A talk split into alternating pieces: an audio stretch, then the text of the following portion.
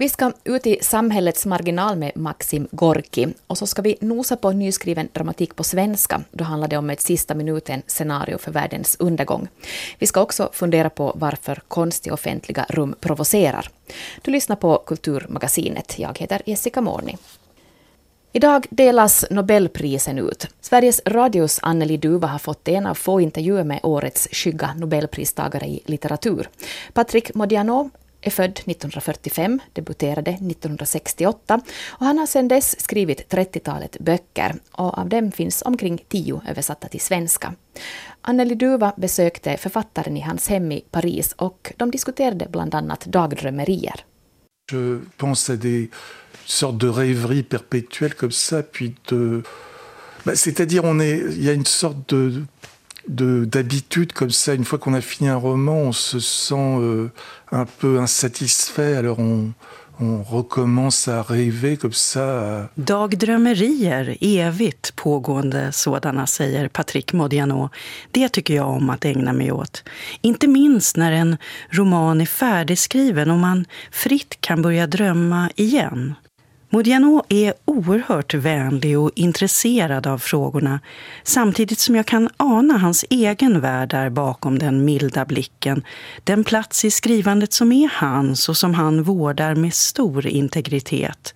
En plats där hans speciella barndom, ockupationen, det judiska arvet, Algerietkriget och läsandet tillsammans blivit stoff för det verk som är hans. För trots att verkligheten och de konkreta detaljerna är både nödvändiga och påtagliga i hans böcker så ser Modiano dem ändå bara som ett sätt att få fantasin i rörelse. Men quelquefois on a besoin des vrais numéros pour euh, provoquer le, la rêverie ou l'imaginaire. On a besoin de, de, de détails très réels en fait. Det var Sveriges Radios Anneli Duva som hade träffat årets nobelpristagare i litteratur, Patrick Modiano. I en tid då populistiska partier fått fotfäste känner också många konstnärer som tidigare inte jobbat speciellt politiskt att det är dags att engagera sig. Det här säger Göteborgsbaserade konstvetaren och kuratorn Anna van der Vliet. Själv arbetar hon för att förändra politiska strukturer när det gäller kulturpolitiken och hon arbetar också helt konkret med att berätta för politiker vad samtidskonst är. Igår föreläste hon för konstnärer och kulturarbetare i Vasa. Oh,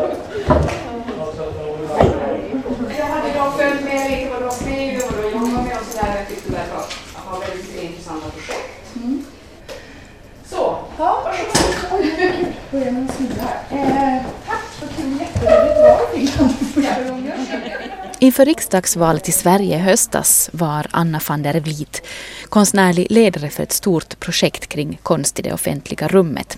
Ett projekt som gick under namnet Motbilder. Hon arbetade nära konstnärerna medan idéerna utformades och sen också med att hitta plattformar där konstverken kunde förverkligas.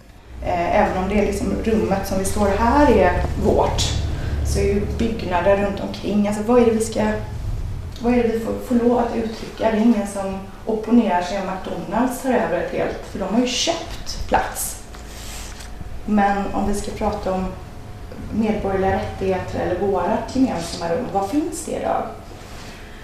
Och därför så ville vi träda in lite olika, olika slags rum för att undersöka det här. Att konst på offentliga platser ofta provocerar, speciellt om det finns ett politiskt budskap, fick Anna van der Vliet handgripligen uppleva inför senaste riksdagsval när hon en lördagsnatt fick lov att försvara ett av verken i projektet Motbilder. Det här var när ett gäng nazister försökte förstöra verket. Konstverket var gjort av polskfödda Londonbaserade konstnären Joanna Rajkowska och föreställde en gigantisk svartvit persisk matta som Joanna hade valt att placera på Götaplatsen. Hon blev väldigt förtjust och eh, tagen och förskräckt på samma gång av eh, en plats som heter Götaplatsen eh, som ligger i centrala stan och som är den liksom, plats som mest kommuniceras ut där alla kulturinstitutioner också ligger för att göra ett verk som som på något sätt hanterar den ganska tydliga segregationen som Göteborg har. Eh, Göteborg är Sveriges mest segregerade stad och en av de mest segregerade i Europa. Så hon valde att göra en, eh, kontentan av det hela blev en stor 200 kvadratmeter, 2,5 meter hög persisk matta i eh, ull. Eh, med en väldigt abstrakt eh, version av en eh, persisk drake som från den persiska mattypologin som står för makt. Så i det här verket så träder du in som besökare, du kan leka i verket, du kan smeka det, du kan lukta på ullen. Eh, men du kan också se utifrån på en plattform som låg ovanför själva entrén till museet eh, bilden av den här draken. Alltså det här stället, det här är ett sådant ställe där bland annat eh, nazister mm. träffas för att, att ha demonstrationer. Och då i samband med, med valet i september så då, då skulle det också vara Eh, en samling där. Kan du berätta lite vad som hände i samband med det? Ja, det var intressant för en av anledningarna till att vi valde den här platsen var ju att ta den i anspråk just av den anledningen att eh, det är den enda platsen i Göteborg som mer extrema partier tillåts demonstrera. Eh, för att polisen har en backupplan för hur man kan, om, om saker och ting ehm, går fel eller att det utbryter tumult av något slag. Men i det här fallet så hade de gjort ett, ett fel, en miss, så att det blev en, ehm, en demonstration av just Svenskarnas parti som är ett av de mer extrema nazistpartierna i Sverige. Eh, tre dagar efter vi hade öppnat utställningen. Och jag vet inte om det bara var den enda anledningen men det väckte väldigt mycket aggressioner och utsattes för oerhört mycket vandalisering.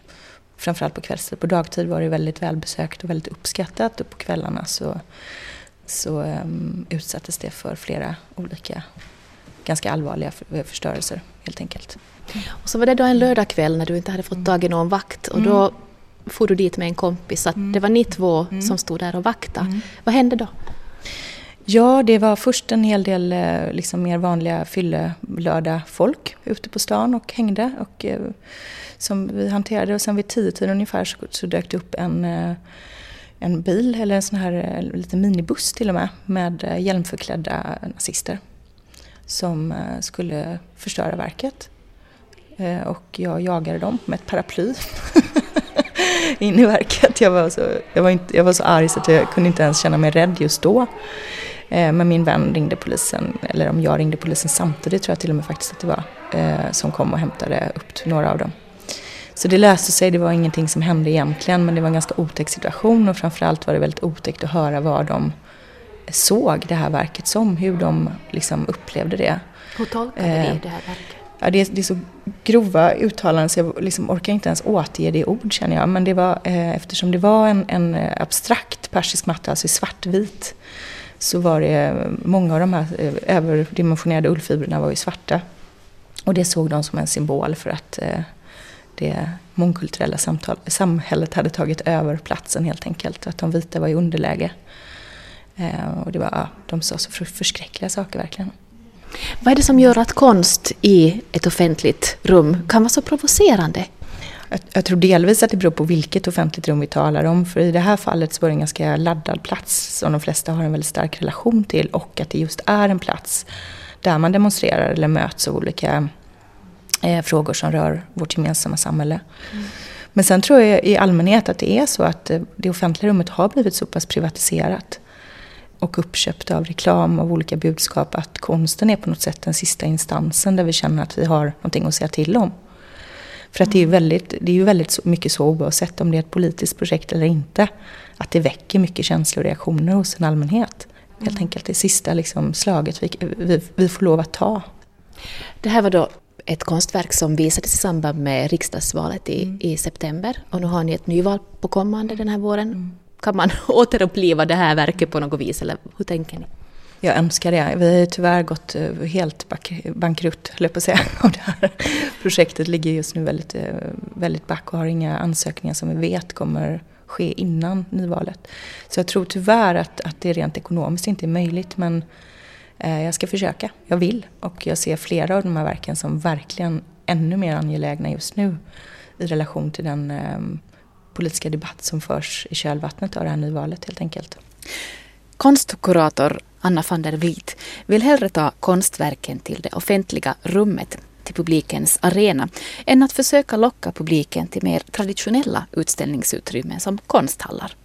För att ofta i de verk som jag har jobbat med och jobbar i nu så, så finns det en frågeställning som är ganska tydlig Den behöver inte alltid vara så tydligt gestaltad men det finns nästan alltid olika målgrupper som man kan se tydligt i. Liksom, vilka är det som borde... Och det, det, är inte så konkret att ja, vi skulle vilja diskutera den här frågan, då landar vi just här. Utan det kan vara mer frågan kring um, kroppar, kring, alltså, det kan vara på oerhört många olika nivåer. Men att tillsammans med konstnären föra det samtalet i ett tidigt skede i den konstnärliga processen är väldigt intressant. Och då landar man inte alltid i en konsthall som slut, slututställning så att säga. Det här med en konsthall, då, vad är det som gör att tröskeln kan vara så hög dit?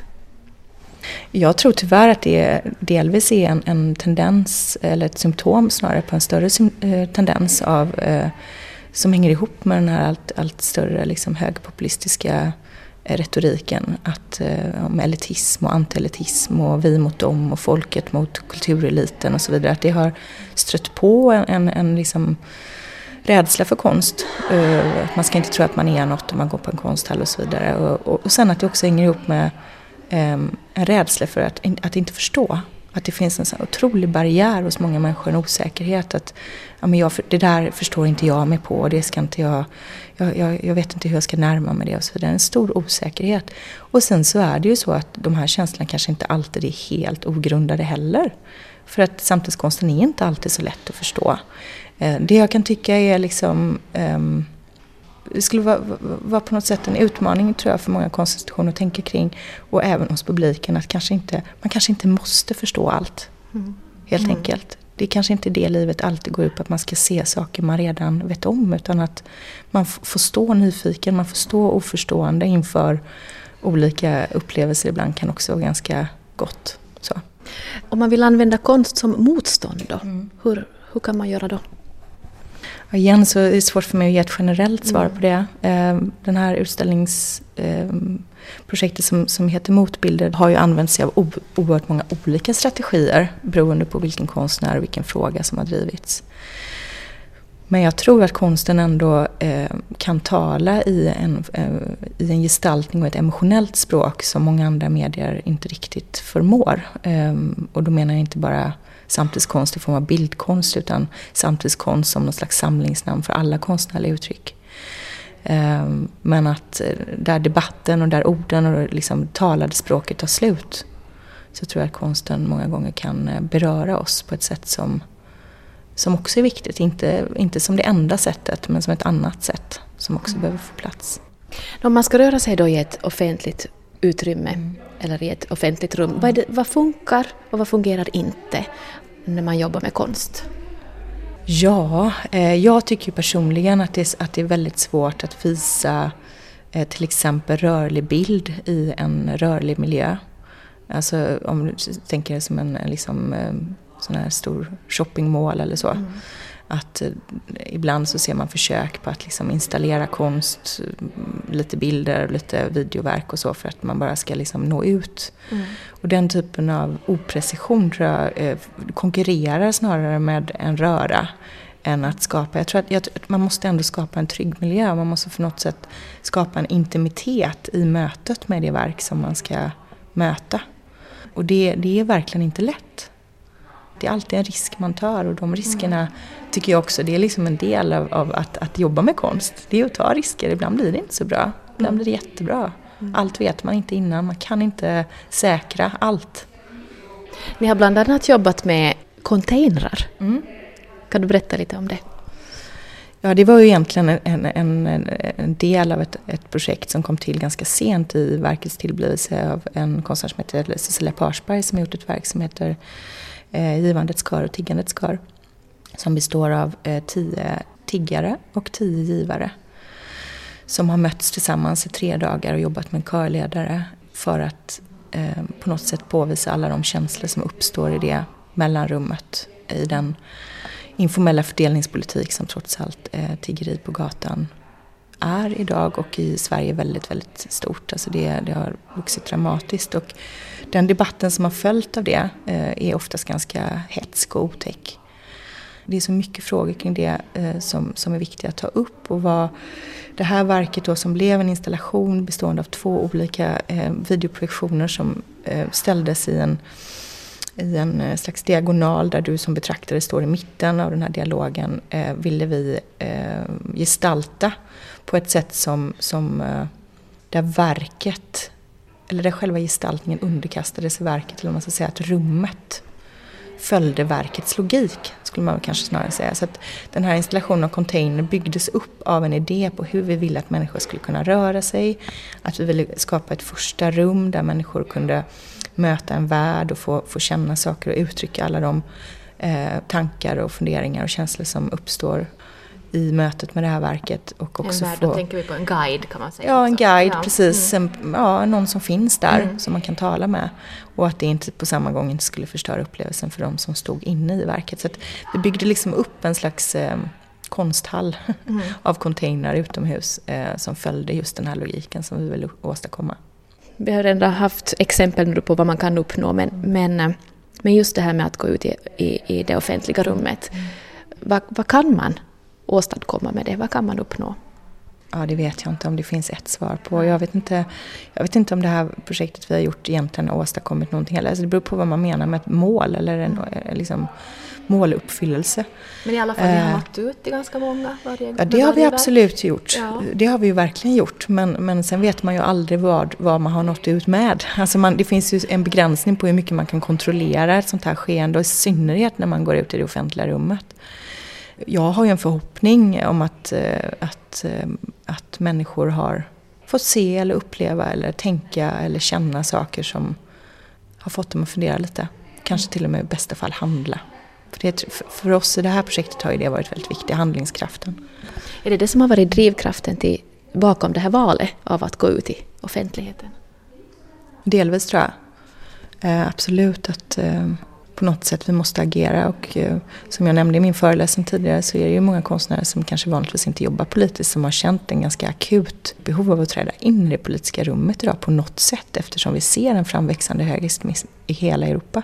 Det är ju inget unikt för Sverige eh, eller Finland för den delen utan det här ser vi överallt och eh, hur ska vi, vi måste ta ställning i det här. Vi, vi kan inte bara låta det ske framför våra ögon konstvetaren och kuratorn Anna van der Vliet från Göteborg om konst i det offentliga rummet. Vi ska också här i Kulturmagasinet ta en sväng via teatersalongerna. Nationalteaterns lilla scen fyller 60 år i år och firar med en uppsättning av Maxim Gorkis pjäs På botten.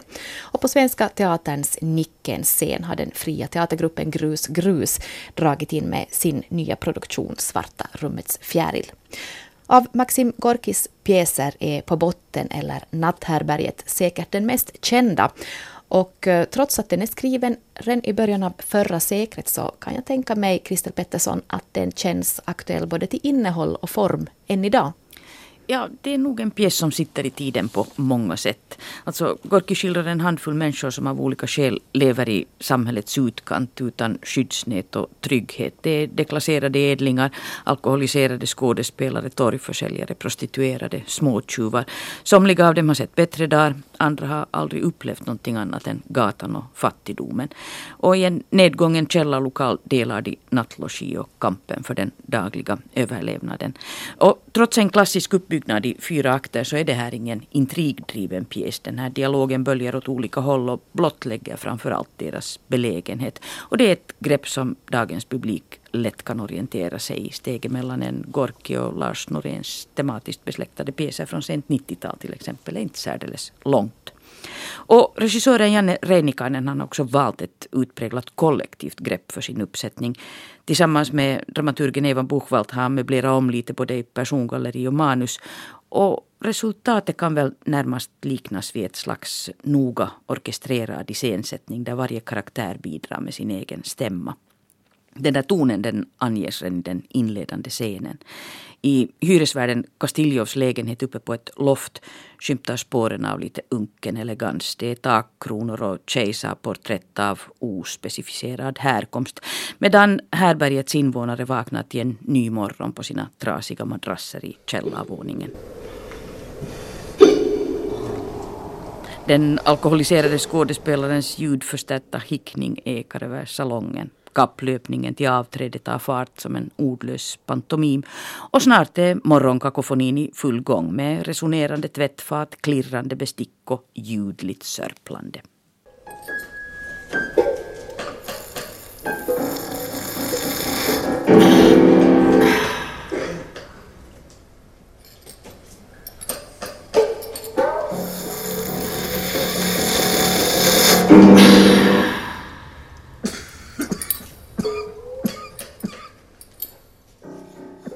väldigt spännande ljudvärld. Ja, och inte bara ljudvärld.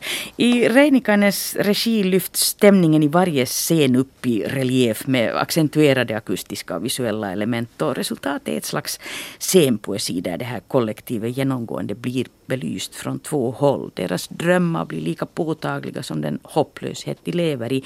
Och lika tydligt blir det förstås att det enda som ofta förmår hålla de där drömmarna vid liv är självbedrägeriet. Och det är de förstås inte ensamma om. Precis som i Maaseudun tulevaisuus som vi talade om förra veckan så utmynnar också Reinikainens tolkning av Pohjalla i en existentiell dimension som sträcker sig långt utanför fiktionen och scenrummet. Vad vi ser i slutändan är förstås också vår egen ångest och livshunger med den där ständiga döden som obönhörlig fond. Anton.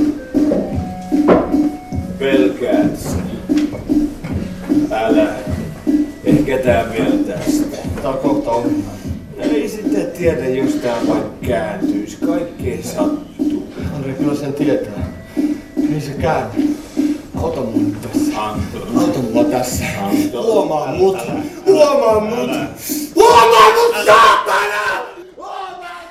Ja, I den här versionen har Kletschs döende hustru Anna förvandlats till den homosexuella narkomanen Anton. Och det är en nytolkning som fungerar. I Tuomas Rinta-Panttilas och Antti Pääkkönens gestaltning växer det här parets inbördes förhållande till uppsättningens mest komplicerade och berörande relation. Men, det finns alltid ett men. I den här stiliserade scenpoesin så finns nog också någonting som skaver. För det vilar någonting nästan bitterljuvt sentimentalt över den här uppsättningen ibland. Som om Reinikainen till varje pris hade velat försäkra sig om att vi verkligen ska se de här gestalterna i all sin tragik och förbi de där omständigheterna de lever i. Men jag tycker att det i den processen också försvinner mycket av samhällskritiken och den sociala skärpan i pjäsen. Medan Gorki systematiskt visar hur utsattheten äter människan inifrån så att hon slutligen inte ens har någon plats för medmänsklighet så suddar Reinikainens regi ut en stor del av uddarna. Att författaren till exempel själv låter sitt drama utmynna i repliken ah, nu förstörde han sången för oss, den idioten. Sen en i skaran har begått självmord under en våt kväll. Det lämnar den här uppsättningen helt åt sidan. I Nationalteaterns uppsättning må självbedrägeriet fira triumfer men gestalterna är varken blinda eller cyniska i sitt förhållande till varandra. Och visst är det ofta hoppfullt och berörande men samtidigt känns det onekligen lite som om uppsättningen inte riktigt hade vågat lita på oss som åskådare. Och detsamma gäller nog också visualiseringen som i sin utpräglade estetisering ibland landar i rena klichéerna tycker jag. Och då, då får du nog ge oss ett exempel. Nå, i den manliga regissörsblicken till exempel så tycks unga kvinnor som svävar viktlöst i rummet representera höjden av poetiskt gestaltad skörhet och sårbarhet. Och inga Björns luftakrobatik i all ära men den här luttrade tanten faller nog inte riktigt i farstun för sådana grepp. Det här är en uppsättning med så många förtjänster att lite nykter gallring nog inte hade gjort den ett dyft torftigare, tvärtom. Just så. Nå, stora teman så handlar det också om på Svenska Teatern, där på Nicken-scenen, för där har Grus, Grusteatern dragit in och det har man gjort inom ramen för Nicken.nu. Det här är då ett treårigt samarbetsprojekt med fria teatergrupper kring nyskriven dramatik på svenska. Vad kan du säga om den? No, Grus Grus kommer med Svarta rummets fjäril skriven och regisserad av Ville Kurki och det är en dialog kring rädsla och hopp ett slags sista minuten scenario före världens undergång. Jag tittade in under en repetition med Sofia Molin och Janna Havisto på scenen. Förstår du att det finns ingenting som kan göras? Ja, Att världen är förbi? ja. Helt varenda sätt förbi? Ja, ja, ja! Finito! It is no more! Jo, jo, jo, jo! Och sen igen nej! Störande vet det är störande men jag kan inte låta bli att hoppas. Svarta rummets fjäril, Ville Kurki, det här var apokalyps, det var lite kaosteori och en aning science fiction dessutom. Ja, varför science inte? Ja, sci ja, sci ja, science fiction. Varför, varför inte? Men för mig är det, är det saker som vi kan in, göra ingenting åt. Hur, hur, hur tåla sådana saker? Som man inte kan göra någonting åt. Åt, ja. Fast man hur skulle hoppas. Nej. Eller låta bli att hoppas. Så det är saker som kommer att hända ändå hur än man känner och tänker och tycker. Det vill säga världen är på kollisionskurs, människan har sin andel i det. Ja, Ja. så är det ju. Så säger vetenskapsmännen. Ja. Att jordens undergång är på kommande helt på Ja. riktigt och inte och här är det ju inte nu tal om Va- va- något religiösa sekter utan eh, ja, vad kan vi göra? Vad kan vi göra? Sluta hoppas, hoppas. Köpa någonting? Köpa, köpa någonting från ruohonjuuri och, Ja. och tycka att, att eh, man stöder nu Men det ekologiska goda. Men att det hjälper ju inte heller att, det, eller ja, inte vet jag, det hjälper kanske den enskilda individen att köpa sig fri från den här skulden eller skuldkänslan. Förstås hjälper det på en personlig nivå, men på riktigt så hjälper det inte. Det gör inte världen grönare eller Men jag, mindre... jag, jag, jag manifesterar inte uh, uh, nihilismen heller. Nej. Inte jag heller. Nej. Och du gör teater. Yes, yes, yes. Jag, Ja. menar, jag, jag läste här att du konstaterar att, att eh, den västerländska kulturen och teatern egentligen redan har kraschlandat. Ja. Kvar finns bara den svarta boxen som vi ser här bakom oss nu eller befinner Ja. oss i. Men i den svarta boxen gör ni teater. Ja, ja. Ja, det är den här, det här samhällets, den här kulturens kulturarv, den svarta lådan, the black box, som är tom på alla, alla hänvisningar till tid och rum. Men det är ju lite hopp i den där blackboxen också. Beror på vad som finns inne i blackboxen så. Nå, det jag såg här vid sidan om naturligtvis ett undergångsscenario var uttryckligen behovet av medmänniskor och ett sätt att behandla den rädsla som, som jag tror att vi alla har på något plan. Eh, och du har dragit paralleller, Ville, till Becketts I väntan på Godot. Det är det enda som återstår för de två luffarna också. De har Mm. varann. Ja, ja. Någon har sagt att, att konsten är inte möjlig efter Auschwitz. Och jag tycker att, att Beckett har gjort någonting som är möjligt efter någonting så hemskt. Aj, så det behövs alltså en total katastrof och jordens undergång så att jag ska bli viktig för dig. Du är viktig för mig. Ja, Ja, det är det är det. Saken är den att så länge jag har möjligheten att välja är du inte så hemskt viktig för mig.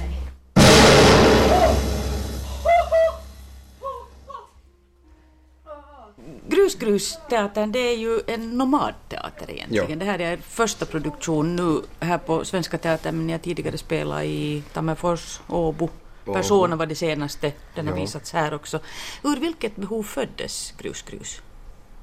Visuell teater och stark behov att göra konst och skapa pjäser som vi tycker själv om. Att, att, att vi, vi kunde se eh, sådana pjäser som... Som vi gör. Ja, och, Ja. och, och, och vi ku- kunde se pjäser som vi kan inte se någonstans... Någon annanstans. Eh, ja, ja. Och ja, no, vi är en tvåspråkig teater och den enda teatergruppen, den professionella teatergruppen som bjuder på svenskspråkig teater i Tammerfors. Ja. Och vi siktar på det att föreställningarna ska vara så långlivade som möjligt. Och förstås det underlättar ju att man gör dem på två språk. Jo. Då kan man ju turnera på flera olika ställen än om man skulle spela bara på ett språk. Och med samma kan man också undersöka att hur, hur det sceniska agerande och no, spelsättet, texten, känslorna, gestaltningen, eh, kontakten skådisarna emellan, hur det ändras då man byter språk. För det Ja. ändras ju. Det, det märkte vi i samband med personer då som vi spelade först på svenska på Åbo Svenska Teater och sen på finska på Åbo Stadsteater. Vad är det som händer? Går det att säga någonting allmängiltigt om det? Allmängiltigt vad som händer då man byter språk. Många Ah, saker. Många saker. Det är Rytmen. rytmen, absolut. Det- Tempo, färgen, ja, alltså nu talar jag helt fonetiska saker, att uh, hur, hur högt eller hur lågt man talar, hurdant flöde det är på texten. Jag menar svenskan kan vara mycket snabbare än finskan. Ja, ja. Absolut. Finska så talar man inte på skoj. Det här konstaterade Sofia Molin som vi här hörde tillsammans med regissören och manusförfattaren Ville Kurki. Åldersrekommendationen för Svarta rummets fjäril det är från 13 år och uppåt och föreställningarna på Nicken ges till den 17 januari. Efter matinén nu på lördag så ordnas också en publikdiskussion.